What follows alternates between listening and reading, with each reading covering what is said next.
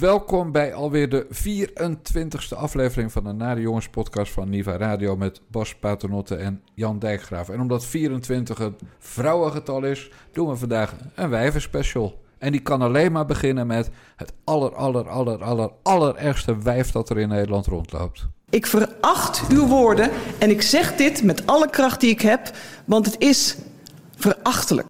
Nou ja, ik zei in Nederland rondloopt, maar dat is natuurlijk helemaal niet waar. Over Nederland vliegt en, eh, en over Nederland allemaal dingen vindt. En Nederland voortrekkersrollen toebedeelt. Oftewel, die vreselijke darmenbak die uh, het klimaatplan van, of wat was het, klimaatrapport van het IPCC uh, zeer omarmde. Ja, maar echt, echt. Dat, dat tweetje van haar, ik zal het nog even voorlezen. Het is code rood voor de mensheid, stelt het VN-klimaatpanel. Wij zijn de laatste generatie politici die onze manier van leven kunnen beschermen. Het is nu of nooit. D66 wil actie, snelle invoering van het nieuwe klimaatpakket van de EU en een leidersrol voor Nederland. En dat al dus de vrouw die godverdorie nog steeds geen proeven van een regeerakkoord heeft geschreven en notabene in een demissionair kabinet zit. Wat, wat, wat, wat is gevallen? Wat, haalt ze allemaal in de hoofd? Dit is toch totaal waanzin? Ga door.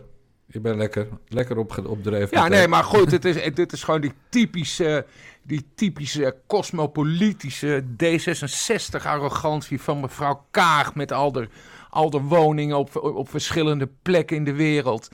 En, en, en, en ja, nee, het is, het, het, is, het is echt te bizar. Het is echt te bizar. En dat, dat hele, wat een bende. We hebben, we hebben nog niet eens een kabinet. We hebben al meer dan 100, 100.000 dagen hebben we, hebben we nog geen kabinet. Er gebeurt helemaal niets. En dan, en dan moet Nederland een leidersrol gaan nemen. We hebben niet eens leiders. We hebben demissionair leiders. Wat mij bij dat hele klimaatgeneuzel opvalt, is dat de, de felste uh, aanhangers van uh, de oorlog staat in brand. We bestaan over 13 jaar niet meer. Die hebben allemaal een footprint waar je echt helemaal één van wordt. Kaag, inderdaad, drie huizen, minimale. Het kunnen er ook vier zijn. Ja. Uh, vier kinderen met, met haar Palestijnse man. Dan Al-Kak, ja. Al-Kak, ja. Anis Al-Kak, die, we kunnen het niet vaak, niet vaak genoeg herhalen... deel uitmaakte van het schaduwkabinet van Yasser Arafat... een terrorist volgens de EU. Ja. Toch, zeg ik goed, hè? Dat is één. Nou, dan hebben we twee. Die, bol, die vreselijke, volgevreten klootzak van een Frans Timmermans... die en een kasteel heeft en een huis... en twee kinderen bij zijn eerste vrouw... twee kinderen bij zijn uh, tweede vrouw... en, zo heb ik ontdekt uh, in het kappersblad Story... werd uh, verdacht van een vijfde kind bij een derde vrouw... Wat Jezus. overigens ontkend wordt, hè? En dus voor alle duidelijkheid... Niet de nare jongens zeggen dat Frans Timmermans buiten de deur neukte met uh, een hoge ambtenaar. Maar dat zei het weekblad Story. Tien jaar geleden, maar kniezoor die daarop let. Ja. Uh, die, uh, die zich laat rondvliegen, die zich laat rondleiden in, rijden in allerlei auto's met chauffeur. Die echt zich helemaal vol propt met allemaal vreten. En dat zijn echt geen blaadjes sla en, en andere veganistische nee, Echt shit. letterlijk tonnetje rond is die goos. Ja, precies. Dat echt is bizar. Ja, ik heb vandaag echt uh, Billy Turf boeken. Uh, ik zocht een foto van Timmermans en ik kwam bij Bol uit op Billy Turf boeken. Dat is ongeveer het niveau. en dan hebben we nog uh, Jesse Pessen met zijn zeven of acht zeteltjes in de Tweede Kamer. De, de man die vier jaar geleden nog premier van Nederland ging worden. Net als Obama in Amerika president en die gast in Canada die die imiteerde. Jesse Klaver is nog nat achter zijn oren. En die heeft ook al drie, zijn vrouw drie keer met jong geschopt. En die heeft ook een duur pand in, uh, in Den Haag uh, waar geen energielabel A op zit. Dus nee, dat... dat... was, dat was volgens mij het vorige pand. Dit is, dit is wel energielabel A. En in het vorige pand zat ook een, uh, hoe heet dat? Een pebbelkachel. Dus dat is een pelletkachel. Soort... Pellet, pellet. Ja, die biomassa ja. verbrandt, ja. Ja, ja, waar ze bomen voor klein maken. Ja. Ja, dus in het vorige pand was er nog grotere schoft. En omdat hij toch ging verhuizen, nam hij maar een derde kind. Zo ongeveer. Ja, maar ja. goed, ook Jesse rijdt uh, uh, makkelijk in dure auto's. Hij heeft wel broertjes in de autohandel en zo. En dat zijn echt niet alleen maar uh, hybride wagens. Nee. Maar even los daarvan. Dat, dat tuig wat het vels voor is, dat, dat, dat neemt, heeft allerlei privileges. En heeft totaal scheid in het eigen gedrag aan wat ze allemaal het volk willen opleggen. En daar, dat maak, ik begon deze Na de Jongens podcast met hartslag 64. Maar ik zit hem als echt, Bas. Ik kijk nu op mijn iPhone. Ik zit nu op 63. Dus ik zit me echt op te winden. Dat hoor je wel. nee, iemand, uh, iemand die zei tegen mij op Twitter vandaag... Uh, kunnen die Klaver en die Timmermans niet gewoon samen gaan wonen? Want dat is ook veel duurzamer. En toen maakte ik het, uh, vond ik zelf wel grappig, een grapje. Nou, dat is op zich wel een goed idee, maar dat gaat niet lukken. Want Frans Timmermans uh, die wil geen vreemde in zijn koelkast. Beter ook een slechte hond eigenlijk. Ja, echt. Een ja. moppenuurtje. Ja. Alsof Timmermans zelf ooit een koelkast moet openen. Daar heeft hij vast bediende voor. Ja, Grappig detail is dat uh, toenmalig koningin Juliana in 1950... toen Nederland 10 miljoen inwoners had... al vol is vol riep. En dat Joop den Uyl de enige politicus aan wie Frans Timmermans ooit fanmail zegt te hebben gestuurd. Nou, hij liegt dat hij barst. Hij stuurde fanmail naar iedereen die hem aan een baantje kon, kon helpen. Maar Mhm. Joop ten Uyl, die zei dat in 19, uh, als ik het goed zeg, 74... bij 14 miljoen inwoners weer. We moesten nu echt bevolkingspolitiek gaan bedrijven. Nou, ja. wat is de bevolkingspolitiek die we bedrijven? Dat is Kom maar binnen met je knecht. Ik las op geen stijl 800 uh, nieuwe gelukzoekers... die met bootjes uh, uh, het meer over zijn gekomen naar Europa... en dan voor ons ja. kiezen. Ja, weet je... Ik heb over dat hele klimaatakkoord eigenlijk maar twee dingen te zeggen. Eén, condooms naar Afrika. En twee, en dat is echt erg... eh, waar de klimaatkerk, dus zeg maar de deugers van GroenLinks... de klimaathandel uh, treffen, zeg maar de VVD en CDA-aanhangers, ondernemers.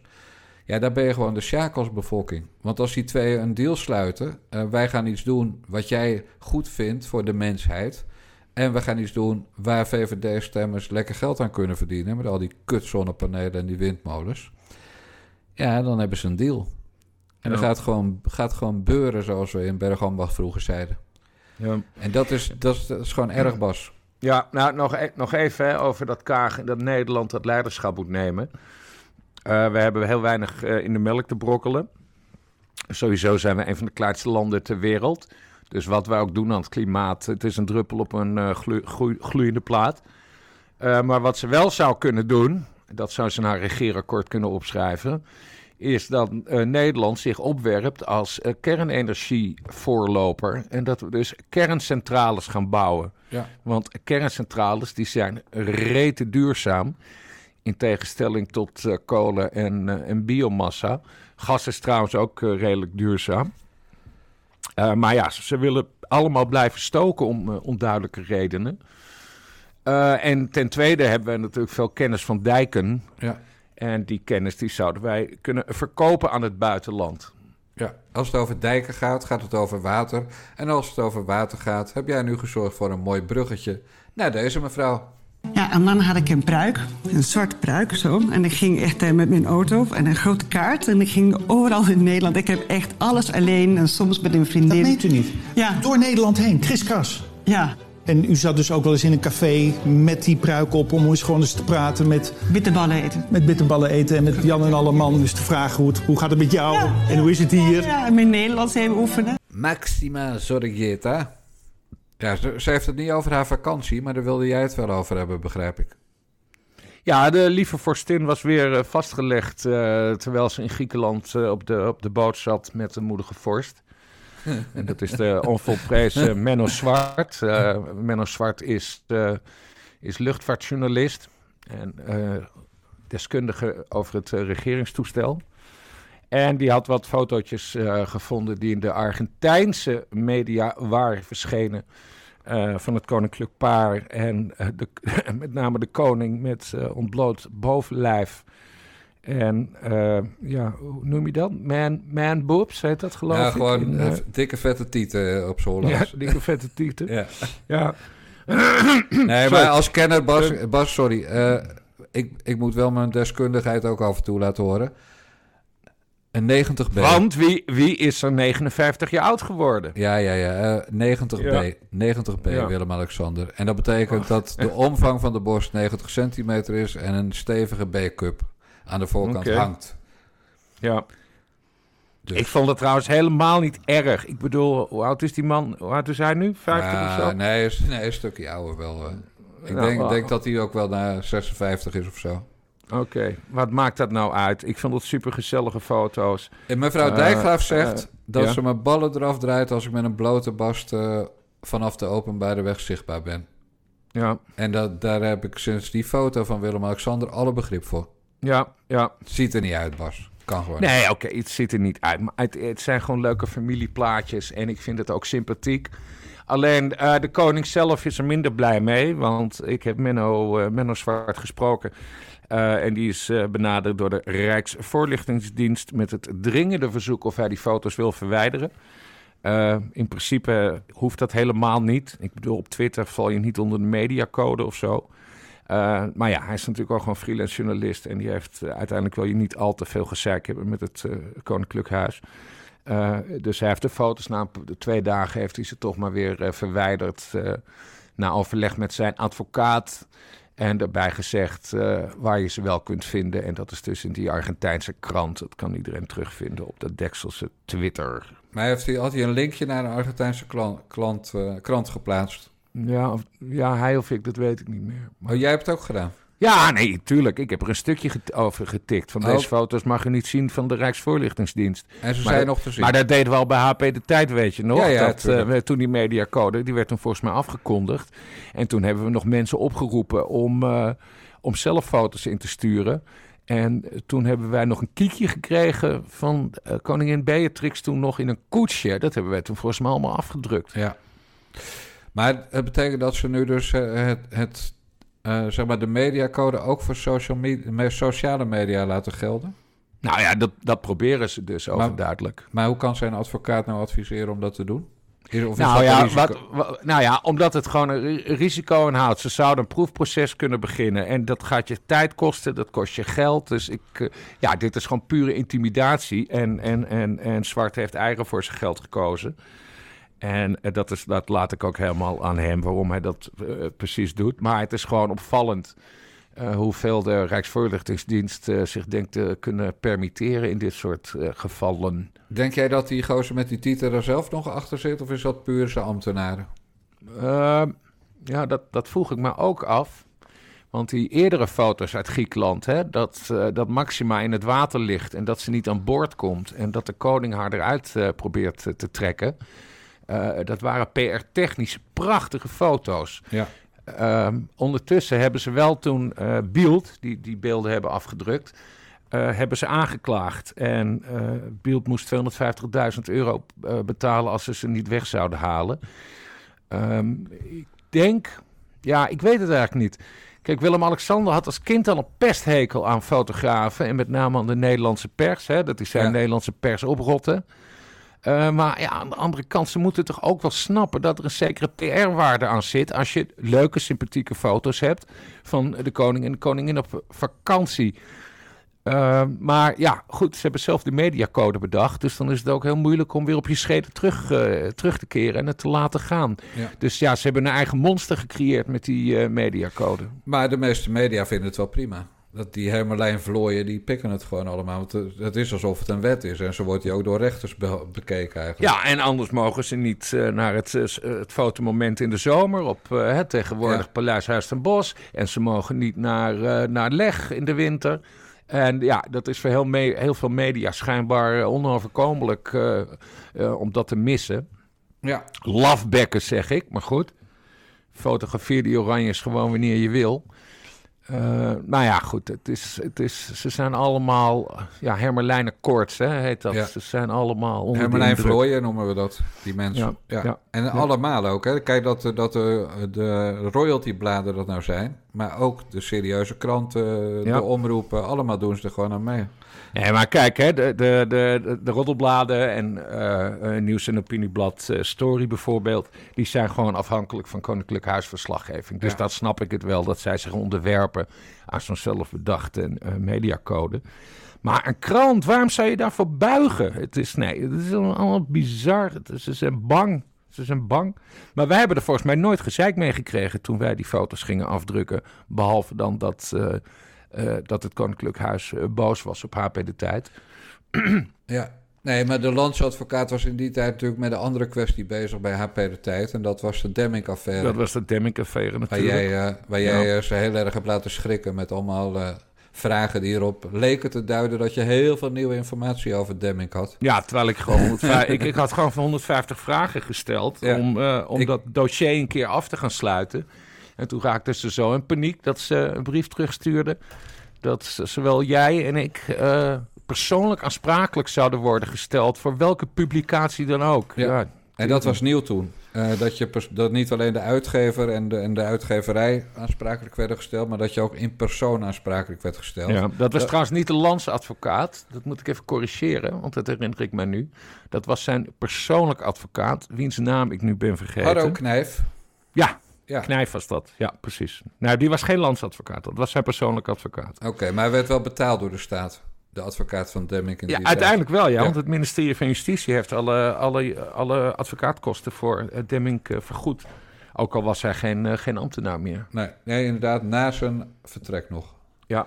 Waar we natuurlijk allerlei vraagtekens kunnen zetten. Maar wat heeft dat voor zin? Want voor de man die onlosmakelijk verbonden is aan de Demming-affaire, Micha Kat, heeft aangekondigd dat morgen toch iedereen doodgaat. Ja, die kat zegt, jongens, wat een echt... Ja, maar die man is niet goed bij zijn hoofd. Die is helemaal doorgeslagen. Ja. Nou, Ooit weer- van een eh, gerespecteerd journalist. Ja, maar ja, goed. Ik vind, ik vind het echt zielig voor hem. Omdat het, het is gewoon een psychische toestand bij die man. Absoluut. Dat, dat wens je niemand toe. maar de rechter houdt daar geen rekening mee, want hij gaat wel de bak in. Ja, maar goed, hij heeft al zoveel mensen bedreigd en, en, en hoe heet dat, bommeldingen gedaan en dit en dat. Het Ja. Is, ja, uiteindelijk moet, hij, uiteindelijk moet hij verschut gaan een keer. Hey, maar Maar, jij... ik hoop, maar ik hoop dat ze dan ook even naar zijn psychische toestand kijken. Ja. En hem wellicht in een eh, psychiatrisch eh, ziekenhuis, eh, of hoe heet dat, psychiatrische gevangenis, of TBS, of Forensisch kliniek, Instituut. ja. Ja, zoiets, ja. En dan is dat weer een complot natuurlijk. Ja, nee, maar, dan krijg, hè, maar je kan hem geen TBS geven. Maar je hebt gewoon, dat heet ook forensische klinieken. Dat Ah, is ja. niet per definitie TBS, maar daar kun je dan, daar kun je dan als gedetineerde behandeld worden. Dat lijkt Ja. me heel verstandig in het geval van, eh, van Micha Kat. Ja, want hij is krankzinnig, zei je net. En daarom ga ik jou vanaf nu Bas Bruggetje noemen. Want dit is weer een bruggetje naar deze mevrouw. Je vliegt zo hoog met die PC Hoofdprijs. En deze prijs, die driejaarlijks wordt uitgereikt, is een prijs die over het hele Nederlandstalige gebied gaat. Dus je kunt zeggen dat ik de prijs ook van Suriname heb gehad. Want Suriname zit als taalunie ook daarin. Snap u? Astrid Roemer. Juist. De Surinaamse, Surinaamse schrijfster waar ik nog nooit van had gehoord. ze is nu dus genomineerd voor een of andere prijs. Die Nee, wordt heeft ze gewonnen. uitgerekend. Heeft ze al gewonnen. Of die, of die heeft ze gewonnen.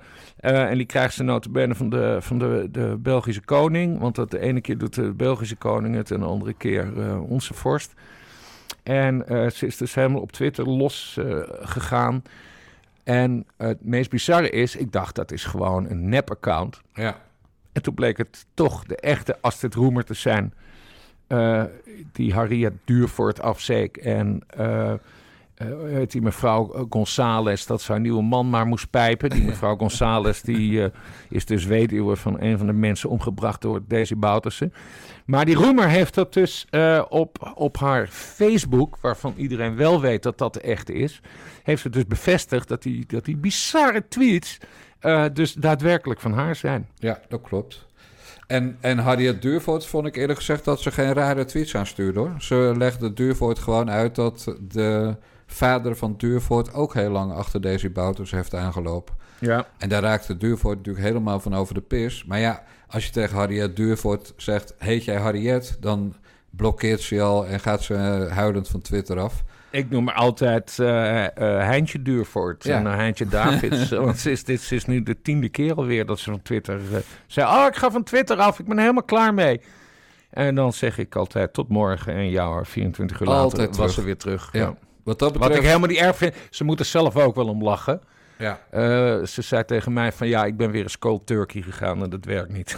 Turkey, Turkey. Beledig ze daar de Turk niet? nee, cold turkey Jan Ja, Dijkgraaf. dat weet ik wel, joh. Nou dan. Ik ben En, toch ook gestopt eh, met roken? Ja. Heb jij wel eens wat gelezen van die roemer? Nee, wel van Emiel. Maar dat schijnt geen familie te zijn. Nee, Nee. Dat, nee natuurlijk niet. Ze heeft eh, de PC Hoofdprijs gewonnen, dacht ik. En, eh, en ze heeft wat boekjes geschreven. Ze is een raar wijf. Want Ik heb me natuurlijk wel verdiept in, eh, in de casus Roemer. Hm. Ze is ook jarenlang spoorloos geweest, bijvoorbeeld. Dus letterlijk zoek. van de Ja. aardbodem verdwenen. Dan zat ze in België of, of in Suriname. En Raadslid voor eh, Ja, dat is wel GroenLinks grappig. in. Den Haag, las ik. kandidaat Kamerlid, eh, dus lijstduwer. En toen werd ze raadslid in Den Haag en had ze in no time ruzie. En toen verweet zij, heel grappig, bij de, eh, in een interview in HP De Tijd... de GroenLinks-fractie in Den Haag van racisme. Want die hadden haar als luie Suriname neergezet. En de. Raad van Journalistiek maakte daar toen de tijd, dat was 1992... Eh, dus je kan zien dat, we, dat dit land naar de knoppen gegaan is sindsdien. Maar die maakte daarvan dat, het, dat zij wel het gevoel kon hebben dat het racistisch was, maar dat het niet door de feiten werd gestaafd. Nou, dat is natuurlijk Ja. precies de kritiek die wij op die BLM-gekkies hebben. Van ja, je, met gevoel, tegen gevoel kan je niet redeneren. Dus op het moment Ja. dat iemand roept: Ik heb het gevoel dat jullie racisten zijn. Of jij bent gewoon racist, want je bent niet zwart. Ja, daar kan je gewoon niet tegen argumenteren. Dus, en, dus, en de Raad van Journalistiek vond dat toen ook nog. Nou, nu zou zo'n verhaal er moeiteloos... Het was trouwens Nieuwe Revue, sorry. Nu zou zo'n verhaal er moeiteloos eh, doorheen komen. Ja. En zou de Raad van Journalistiek zeggen... Nou, dus heeft mevrouw Roemer inderdaad wel gelijk. Maar Ja. er was wel een leuk filmpje van haar. eh, in Nieuwsuur, vond ik. Dan dacht, dacht je echt van... eh, een raar wijf. Heel raar wijf. Oh, dat heb ik helemaal. Heb ik Ah, dan moet je even kijken, joh. Dus, Ja. eh, en eh, het, het is... Het kan misschien, ze kan misschien best goed schrijven. Maar kijk, als je tegen de...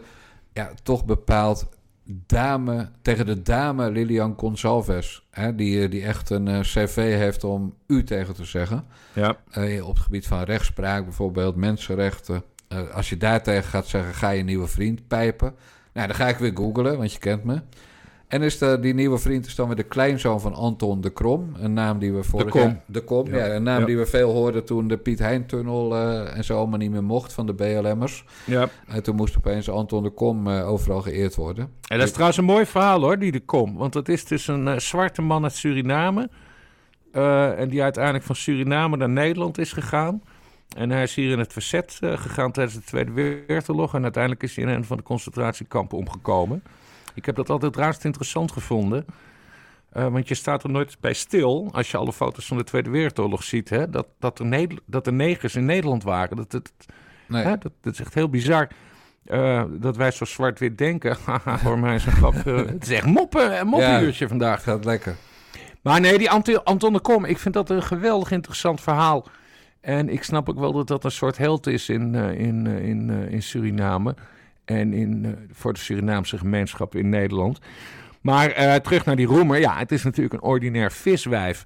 Eh, hè, dat blijkt gewoon uit haar tweets en Facebook-post. Maar goed, ze, ze heeft dus wel die prijs gewonnen. En ik vind dat ze die moet krijgen. Ik kan het allemaal niet beoordelen, want ik lees nauwelijks literatuur. Hè, ik hou helemaal niet van, eh, van fictie, eh, fictie-dingen.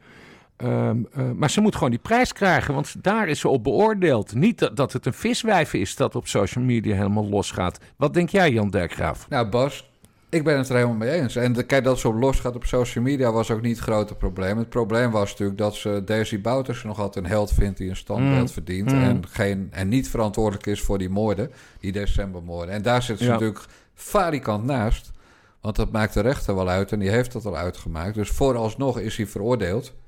Eh, en, en zit ze dus naast. En is het ook heel fout als je misdadigers eh, en, en mensen die medeplegers van moord zijn, als je die zo verdedigt als zij doet. Maar dat heeft geen fuck te maken met of ze goede boekjes schrijft of niet. En of ze goede boekjes schrijft, dat is inderdaad niet aan ons, want wij hebben het niet gelezen. En we kennen wel meer gevallen waarin sprake is van kleur gaat voor kwaliteit. Maar dat heeft ook niks te maken met Boutersen.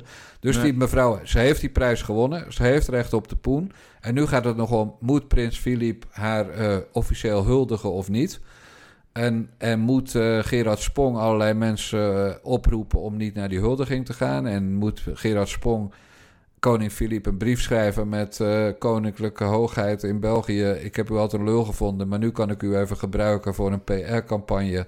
Want ik ben zo tegen Boutersen en, ik, en ik Ja. ben dus ook tegen Roemen. Nee, die Philippe, die moet gewoon even met het regeringsvliegtuig van België van zijn vakantieadres komen in oktober. En die moet eh, dat achterlijke wijf gewoon eventjes netjes huldigen, vind ik. Ja, precies. Want de vrijheid van het woord, hè, Bas, Daar gaat Ja. het om. Zij mag Ja. vinden wat ze... Ze wordt niet beoordeeld op, hoe, op haar mening. Dat hoort Ja. althans niet. Weet je welke prijswinnende eh, eh, schrijver trouwens ook een moordenaar eh, vaak heeft verdedigd? Nee.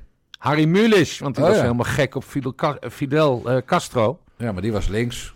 En ja, en die was links, dus dan was het allemaal niet zo. Nee, maar dat is exact hetzelfde. Ja. En, en, en ik, ik, Mulisch mag ik trouwens wel graag lezen. Maar dat komt omdat hij veel over de Tweede Wereldoorlog heeft geschreven. En dat is een van mijn favoriete onderwerpen. Maar ja, ik vind dat, ja, ik vind dat ook heel erg fout dat hij, dat hij geheuld heeft met eh, Castro. Hè, hij is ook gewoon meermaals eh, te gast geweest op, het, eh, op, op Cuba als, als gast van de communistische regering. En ja, heel erg fout. Maar dat doet niet af, niets af aan wat hij allemaal heeft geschreven. Nee, dat klopt. En dat is exact hetzelfde met deze mevrouw, mevrouw Roemer. Ja. Bas, kan jij Oh. nog even twee minuten doorpraten? Ik moet even wat belangrijks googlen in de tussentijd. Wat ga je googlen dan, Jan Nee, daar kom, daar kom ik zo mee. Want misschien zit ik ernaast en dan krijgen we Bob Dijkgraaf weer aan de lijn. Dus ik ga eerst even checken. Oké, nou, dan Praat gaat, door. Jan, dan gaat Jan even googlen. Doe het desnoods iets over Poolse concentratiekampen. Eh Poolse concentratiekampen. Ja, Ja. dat is, dat is Ja. ook nog een ding. Als je stukjes schrijft over Auschwitz... en je zegt dat het een Pools concentratiekamp is... dan krijg je de, de Poolse ambassade achter je aan. En die dreigen dan met rechtszaken... want die trekken dat heel slecht als je Auschwitz een Pools concentratiekamp noemt... omdat het een Duits concentratiekamp in Polen is. Ik snap dat wel, alleen die Polen hebben TPO daar wel eens over benaderd... nadat iemand dat had geschreven... Ja, en dat moet je bij ons niet doen, want dan schrijven wij gewoon nog drie keer dat Auschwitz een Pools concentratiekamp was. Ja, want Geen idee, geen idee hoe, hoe we hier opkomen trouwens, maar Nou, ik vroeg, op jou, ik vroeg jou wat te vertellen over Poolse concentratiekampen. Ja, nee, en, en ik denk, Bas heeft ze allemaal bezocht. Die kan over elke ja. straat zijn iets vertellen. En dan heb ik ondertussen eh, uitgezocht of in 1992 Paul Rozemuller al bij GroenLinks actief was op niveau. Want dan heeft hij Roemer, dus eh, met Paultje Rozemuller, die Pol Pot nog altijd verheerlijkt eh, samengewerkt. Maar dat is dus niet zo, dat Rozemuller toen al actief was. wanneer was hij, is hij begonnen dan? Nee, dat, ja, zover ben ik ook nog niet. Maar lul jij dan nu nog even over Duitse concentratiekampen? Dan eh, zoek ik Ja. dat ook even voor je op. Paul Ja. Rozenmuller. Nee, ik ben trouwens, ik ben vijf keer eh, echt bizar vaak in Auschwitz geweest. Ik heb ook familie van mij daar rondgeleid en vrienden heb ik daar rondgeleid. Ik ben vijf keer geweest volgens mij. Blijft altijd indrukwekkend. Maar na de vijfde keer dan geloof je het wel. Eh, maar ik kan iedereen aanraden om daar een keer een bezoek eh, eh, aan te brengen. Want als je, als je de, de fysieke uitvoering van het echte kwaad wilt zien, dan, dan is Auschwitz-Birkenau de plek om dat te bekijken. Ja, en daar zou dus die Roemer eens een keer naartoe moeten. Ik heb, het, ik heb trouwens Rozenmuller, die zat in 92 wel in de Tweede Kamer. Maar hij was Mhm. geen lijsttrekker. hij was geen lijsttrekker. Hij wilde... Hij was in 93 met Leonie Sipkes kandidaat voor het duo-lijsttrekkerschap. En toen werd hij verslagen door het geweldige duo, duo Ina Brouwer en Ja, hoe heet hij? spits van Ajax, Ja, nee, zeg nou maar, hoe heet hij? Mohamed Rabba. Ja, Mohamed Rabbe. Ja. Oh man, die, die niet eens Nederlands kon Het spreken. is echt het gekkenhuis vandaag bij de Nare Jongens podcast. Ja, echt. Zullen we nog een gek doen? Gekkie? Gooi er maar in. Mensen voelen zich thuis in de door jou gecreëerde wereld. Blijkbaar, ja. En dat zie ik dus vaak terug. En daar mis ik ook wel echt live shows. Eh, dat zie ik vaak terug bij concerten. Ja, dat ik echt gewoon voor een publiek sta. En dan denk ik, ja... Wat ik, zie je ik dan? ben- Ik, ben jullie en jullie zijn mij. Ja. Ja, die stem herkennen nog maar heel weinig mensen. Want er kijkt dit seizoen geen hond naar zomergasten. heb, jij, heb jij zondag gekeken? Nee, maar ik kijk, dat, daar hadden we het vorige week ook al over. Ik kijk gewoon geen zomergasten meer. Ja, ik ga binnenkort wel kijken, want in de laatste aflevering zit Hans Klok, de magician, de tovenaar goochelaar. En eh, dat, dat, dat is eigenlijk het enige interessante interview wat ik mij kan voorstellen uit deze serie. Eh, ik vond wel beeldschone vrouw. Ik ben de naam nu ook alweer kwijt, want ik heb hem niet opgeschreven in het draaiboek. Ehm, eh, want ik heb natuurlijk een heel klein stukje wel eh, eh, moeten kijken. Omdat Hans van Willigenburg altijd een recensie schrijft over zomergasten. En ik een screenshot moet, moet maken. Maar het is, een, het is een zangeres, geloof ik. Ik heb één clip gezien. Chef Dalisa. Sef Dalisa. Ja. En zelfs, Nou ja. zelfs de Volkskrant, Arno Heitema, die kopte met... Na een paar uur zomergasten snakte ik naar een glimp spontaniteit... of desnoods een foute grap. Dus dat is een soort Hans van Willigenburg. Die heeft ook moeten kijken voor zijn werk. Ja. Diep medelijden met die lui. Ja, ik begreep, ik begreep van Van Willigenburg dat ze, dat ze praat als een soort consultant. En met allemaal van die, van, die, van die positieve zinnetjes en weet ik veel. Ja, in je maar ik vond, wel, ik vond het wel een knappe vrouw om te zien. Maar ik ben, ik, ik ben ik, op zich wel fan van die Oosterse eh, dames. Hè, want ze komt dus uit Iran. Eh, dat heb je ook met eh, vrouwen uit Jordanië. Ik ken, ik, ken, ik ken twee Jordaanse dames.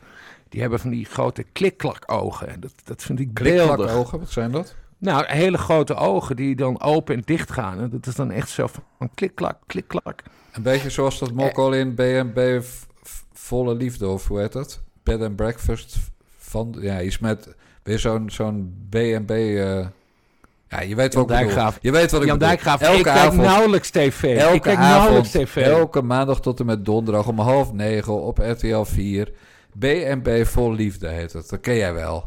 En daar, daar zit zo'n zo'n vreselijke stewardess uit... eh, die in Oostenrijk een B&B heeft. En die heeft ook ogen. Zeg maar, die kijkt en, en naar de knieën... en naar de hemel in één blik. Zo groot. En een Ja. teringwijf Nou, dat... het is. Oké, nou ik zal er opzoeken, maar dat zijn dus wel mijn soort ogen. Daar ben ik gek Ja. op. Is dat met Martien? Is dat met Martien Meiland? Nee, nee, nee, Bas. nee, doe daar niet zo vervelend, man. Nee, dat weet ik. Ik weet dat hij zijn eigen show Vreselijke heeft. man. Vreselijke man. Vreselijke je. man. Ja, met Ja. zijn kutboek. Ja. Ja, hey, maar wat doen we met zomergasten? Het is toch gewoon klaar ermee nu? Het is afgelopen. Kijk, het, het, het, eh, ik weet niet eens wanneer het is begonnen, maar het was natuurlijk een ont- ontzettend geestig eh, format. En er zijn heel veel leuke zomergasten geweest. Ik, eh, als jochie heb ik die met Ischa Meijer gezien. Eh, met Frits Bolkestein vond ik volgens mij ook wel leuk. Overigens geproduceerd door mijn vrouw, want ze heeft voor zomergasten Oh, gewerkt. echt? Meen je? Ja, ja, Monique heeft voor zomergasten een seizoen of twee seizoenen gewerkt. En, hè, want zij komt uit de tv-wereld. Ze, ze was ook, hoe heet dat, producent van, van Ischa Meijer, van, van, zijn, van Ja. zijn talkshow. Eh, nee, maar als zomergasten, het was superleuk. Eh, eh, weet je nog, eh, Hans Tilwe vond ik ook mooi. Ik, ik heb zelf drie seizoenen gerecenseerd. Nou, ik, ik, ga ze niet allemaal opnoemen. Het kan een leuk programma zijn, maar het is nu te vaak geweest. Eh, de gasten zijn op. Ik heb nog geen één leuke gast gezien. Eh, het is saai. Ik vind die, die Abbring, wat op zich eh, een leuk wijf is, want die heb ik wel eens gesproken. En haar interview met, eh hoe heet hij weer, voormalig burgemeester van Amsterdam, eh, Van der Laan, eh, vlak voor zijn dood. Dat was ook een hele bijzondere aflevering.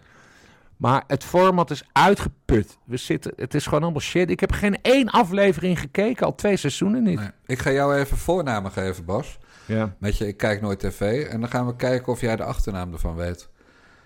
Zomergasten begon in 1988 met Peter van... Ingen, Daarna kwam Freek, de jongen, Wim T, Schippers, Hanneke, Groenteman, Adriaan, Van Dis, Joost, eh Zwageman. Connie.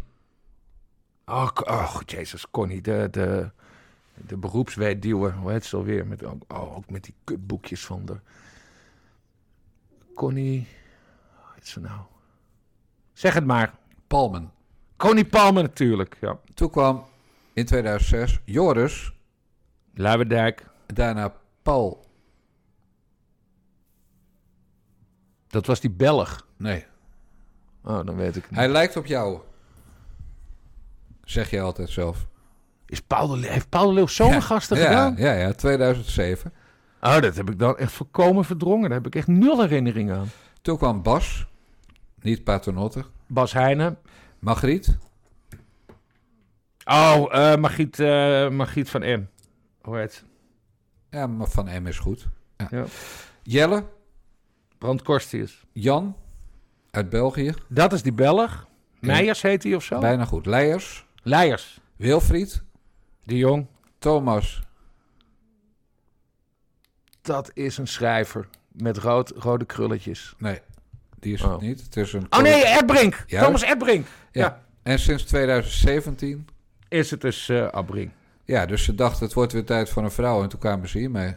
Ja, maar het duurt dus ook te lang. Die, die... Maar Paul de Leeuw zegt, tering. Ik Ja. heb het helemaal verdrongen, maar dat, dat zou ik nog wel een keer willen zien. Denkt u dat wel? En Adriaan van Dis vond ik wel, dat weet ik nog. Die Ja. was gewoon ontzettend goed. Hé, maar dat blijkt dat als we, als we alleen naar de vrouwen kijken. Hanneke Groenteman. Was die goed? Nou, daar heb ik geen actieve herinnering aan. Connie Palme. Heb ik geen actieve herinnering aan. Margriet van der Linden. Ja, daar heb ik volgens mij wel gekeken, maar ik vind dat gewoon een kutwijf. Mag En- je dat zeggen? Ja, dat mag ik zeggen. Die vandaag wel. En Janine Abbring heb je ook niks gezien. Dus wat ik eigenlijk kan constateren is dat jij een vreselijke seksist bent. Want je weet alles van zomergasten. Echt gewoon En- alles. En alle mannelijke presentatoren bijna. Ja. En die vind je ook allemaal wel redelijk tot Ja. goed tot leuk. Dus, dus je Ja. bent gewoon een vieze, smerige ik ben gewoon een seksist. Ja.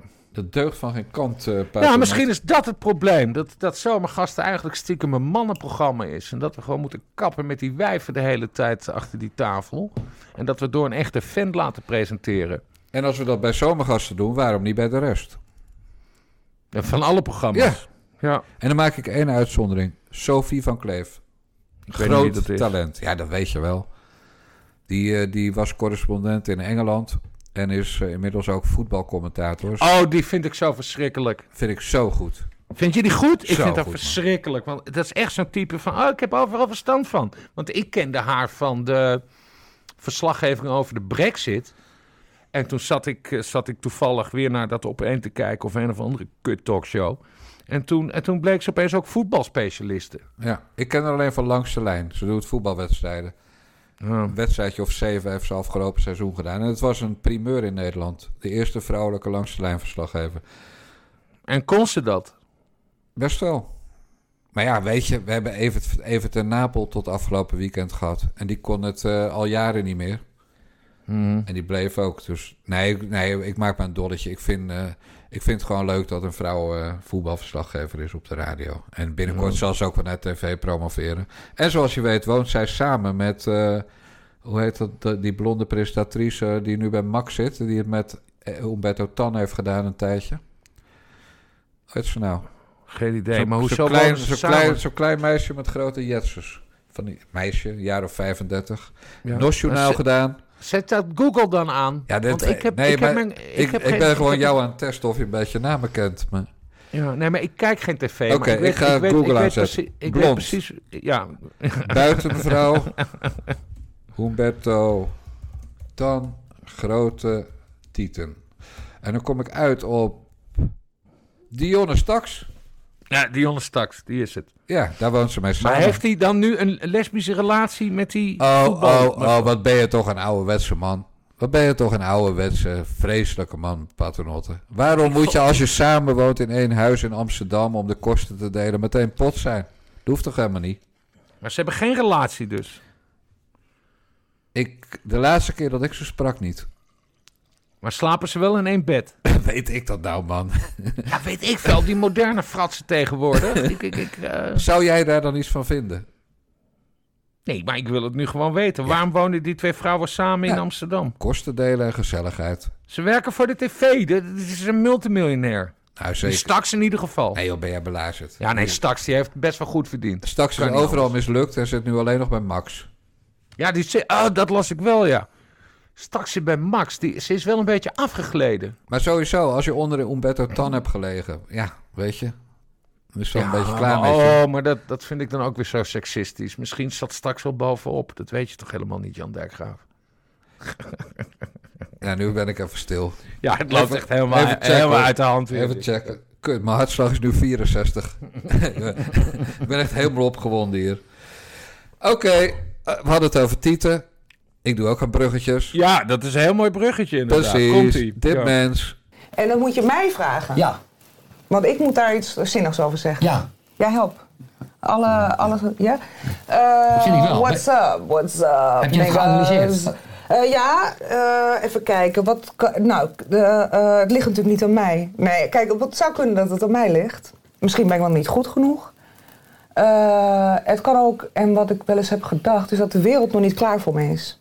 Ja, ik vraag dan voor een boekje wat ik aan het schrijven ben over Twitter. Van, op Twitter aan mensen. Wat is je grootste ergernis op Twitter? En er komen natuurlijk allemaal normale antwoorden als eh, trollen, anoniempjes. Nou, we kunnen het allemaal, be- bedreigingen, al die shit. Jij en ik kunnen het allemaal invullen. En een of andere bijgoochem die roept dan... De tetten van Stella Bergsma. Even voor de luisteraars die niet naar eh, eh, mislukte talkshows op Net 5 hebben gekeken. Stella Bergsma is columniste die eh, heel hard poep, neuken, kut, lul roept om, om aan handel te komen. En dat lukt, dat doet ze, goed. En die Stella Bergsma die gaat er dan weer een hele column van maken voor de Telegraaf. Voor die ene gast die op mijn vraag antwoordt, de tetter van Stella Bergsma. En wat is haar verhaal eigenlijk?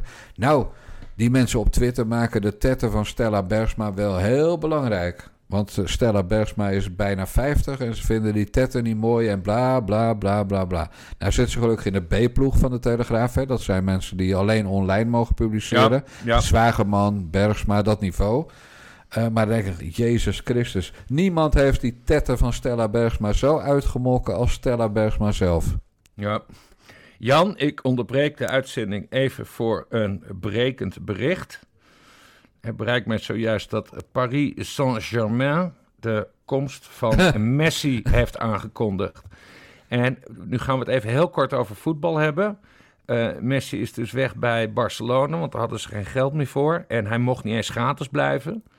Eh, maar dit verhaal dat hij naar Paris Saint-Germain gaat, dat wist ik twee dagen geleden al. Dat heb ik toch al. Ja, iedereen. Ja, maar de- zo werkt dat natuurlijk bij Maar breken. waarom ontploft mijn telefoon nu? Dat, dat iedereen. Ik heb nu drie berichten van Messi naar eh Klik. Saint-Germain. Clickbait. Ja. Nee, Dus ze hebben, hij, is nu, hij is vandaag eh, medisch gekeurd, dacht ik. En, en pas daarna is het dan definitief. Dus, Ah. dus, dus dat is de, eh, tot, de, tot de medische keuring is het allemaal voorlopig. Ja. Ja, en, en die huilenbalk die het zo erg vond dat hij weg moest bij Barcelona... en dat zijn kinderen niet meer in die stad naar school konden en hun, naar hun vriendjes... ja, die huilenbalk gaat nu gewoon lekker nog eh, twee jaar zijn zakken vullen in Parijs. ja. Ik heb helemaal niks met die gast. Nee, maar daar past, daar past hij wel in deze aflevering, omdat hij dus als een meisje stond. Ja, eh, een te huilen, kutwijf is het, precies. Ja. En eh, wat ik trouwens wel heel mooi vond, er zat een fotograaf bij. Daar heb ik weer een foto van gezien hè, bij die afsluitende persconferentie. En eh, die fotograaf die werd weer gefotografeerd en daar werd ingezoomd. Zat die fotograaf te huilen. Die was helemaal onder de indruk van dat afscheid van Ik wist helemaal niet dat. Twan van Peperstraat de fotograaf was geworden. Dat, Oké, dat, hoor ik dan nu, dat hoor ik dan nu weer van jou. Zullen we nog even over de Ja. titel, van Stella Bergman Ja, hebben? tot zover het brekende nieuws. We gaan even terug naar de titel van Stella Hangende Bergsma. Het hangende nieuws. Nee, maar echt, die Stella Bergsma. Ik heb haar wel eens ontmoet. Eh, ze is niet onaardig, maar ik kan niet eens...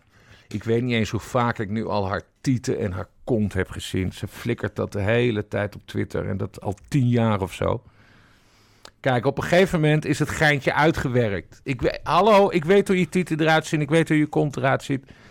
Nee, het is eh aandachtshoerderij. Maar dat mag je dan vast niet zeggen. En, maar goed, dat is haar verdienmodel, hè? Altijd een beetje ophef eh, veroorzaken. Ja, dus de een doet het met bakstenen door zijn ruit en de ander met, met haar Precies. tetten. Ja, zo werkt Eh, dat. Chris, eh, Chris K. Heb ik niet eh, gezegd. Nee, Nee, je legt me weer een nee, naam in de Nee, mond. nee, ik zeg Chris K. Dat kan, eh, dat kan iedereen zijn. Ja. Eh, ik ken eh, trouwens Stella Bergs, maar vooral als zangeres. En daar gaan wij straks een stukje van, een heel klein stukje van laten horen in deze podcast. Eh, nee, want ze heeft een bandje, eh, Einstein Barbie. En dat is echt ontzettend goed. En de clip ook. Dus jullie gaan straks iets horen. Dat nummer heet Petty Cash. Met een geweldige videoclip. eh, die trouwens wel hetzelfde thema heeft. Tetten? Eh, tetten, want je ziet dan jongere vrouwen en hoe ze er op oudere leeftijd uitzien. En het is, het is echt een geweldige clip. Ik, als, we het, als we de podcast op TPO zetten, plak ik hem eh, er sowieso wel even Doe onder. dat wel via YouTube, hè? krijgen we een Want- factuur. Ja, nee, eh, eh, gewoon, gewoon de YouTube. Ja.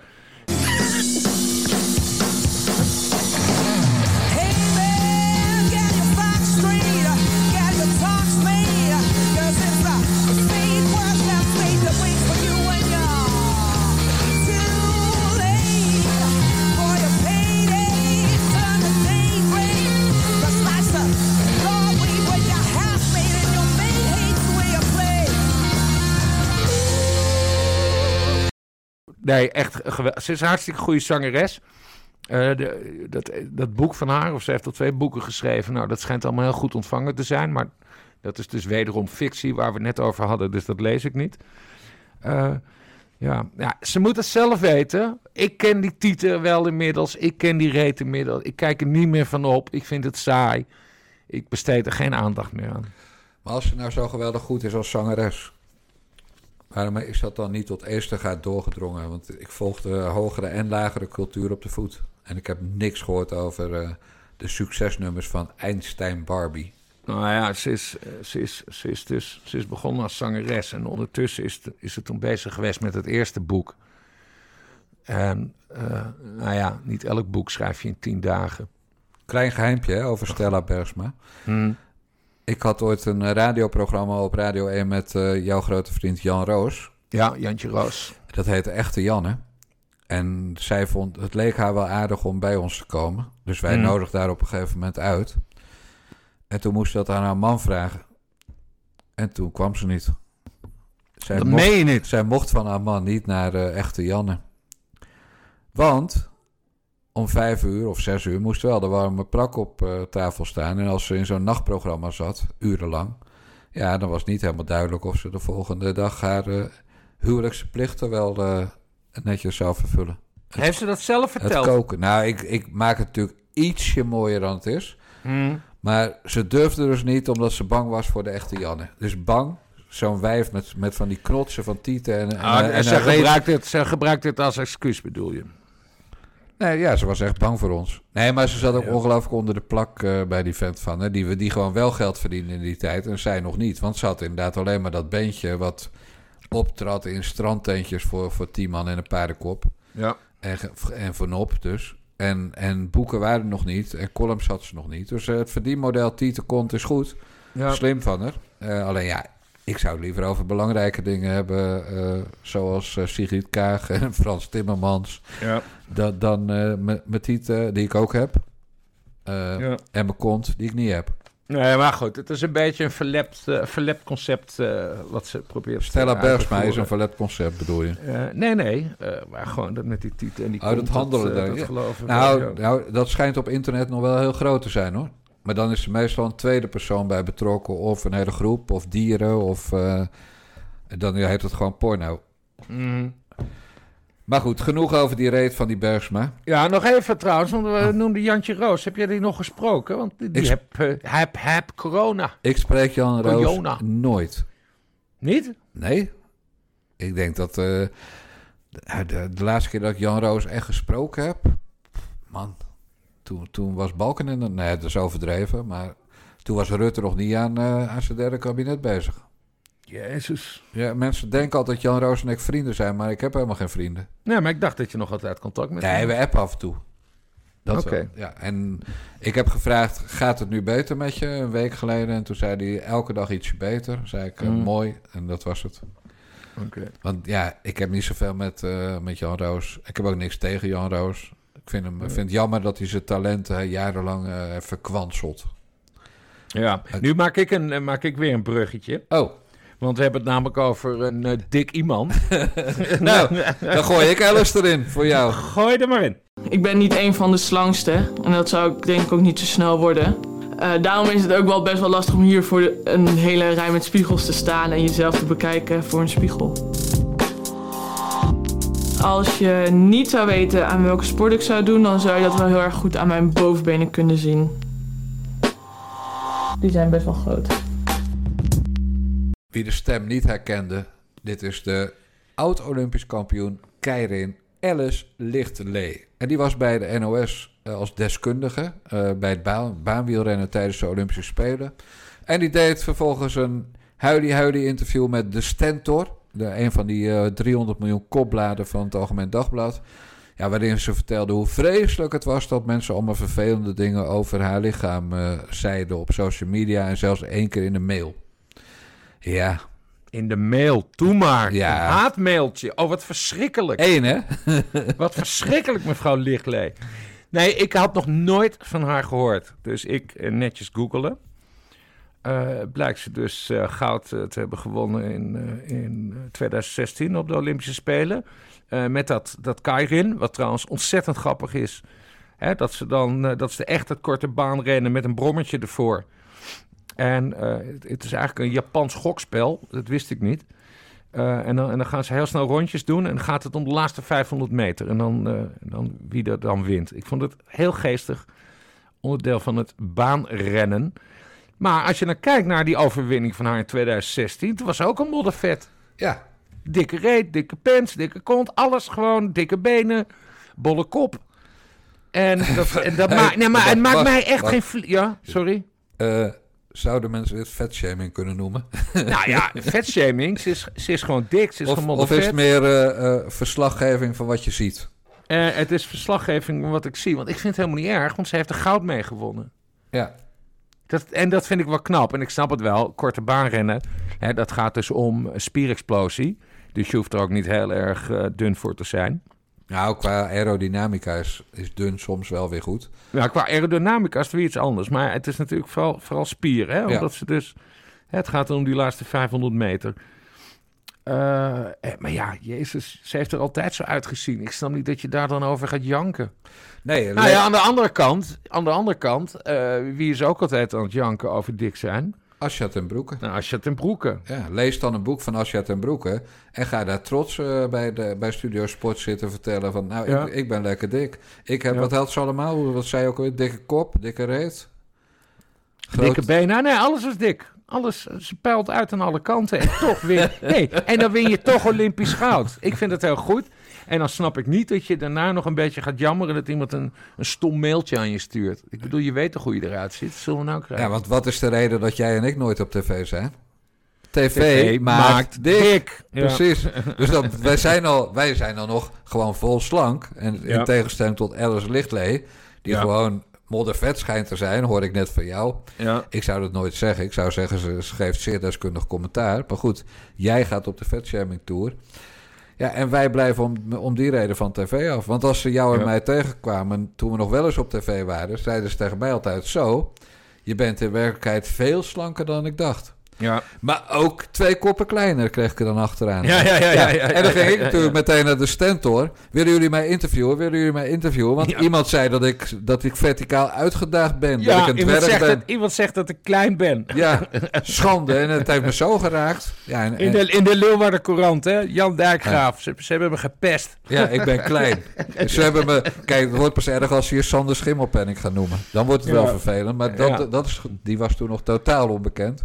Ja. Zou een hele goede zomergastenpresentator kunnen zijn Nou, ja, dat heb je al eerder verteld. Ja, dat, nee, zomergasten moeten echt de stekker uit. Tenzij Ja. ze gewoon een jaar, eh, zo, ja, zeg maar mensen met bijzondere uiterlijke, zoals eh, hele dikke vrouwen eh, als gast hebben. En dan daarover gaan praten. Nou, maar dan is het alsnog kut. Dan en die, en die kut. Stella Bergsma, gewoon met die dikke reet van Ja. haar en, en die Ja. tieten, dat ze daar drie uur over lullen. Of Sigrid Ja. Kaag, die drie uur gaat vertellen...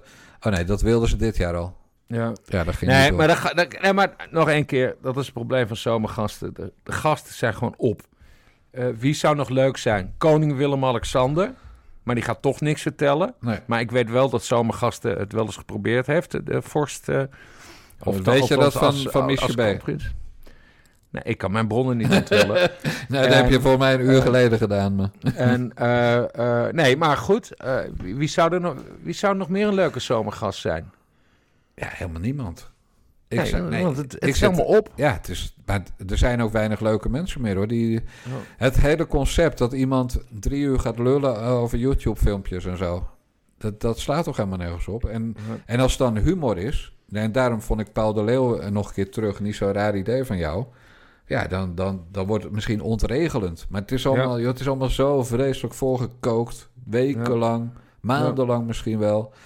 En ja, ik heb, ik heb nog nooit zo'n film... eh, ik heb trouwens ook zelden gekeken. Maar ik, ik had die test van jou heel slecht gemaakt met al die voornamen. Ja. Het, het, is, het is uit 1988. Ja. Het zou wel lollig zijn als ze Alice Lichtlee eh, uitnodigen... en dat ze dan door die caravan zakken en in het water valt.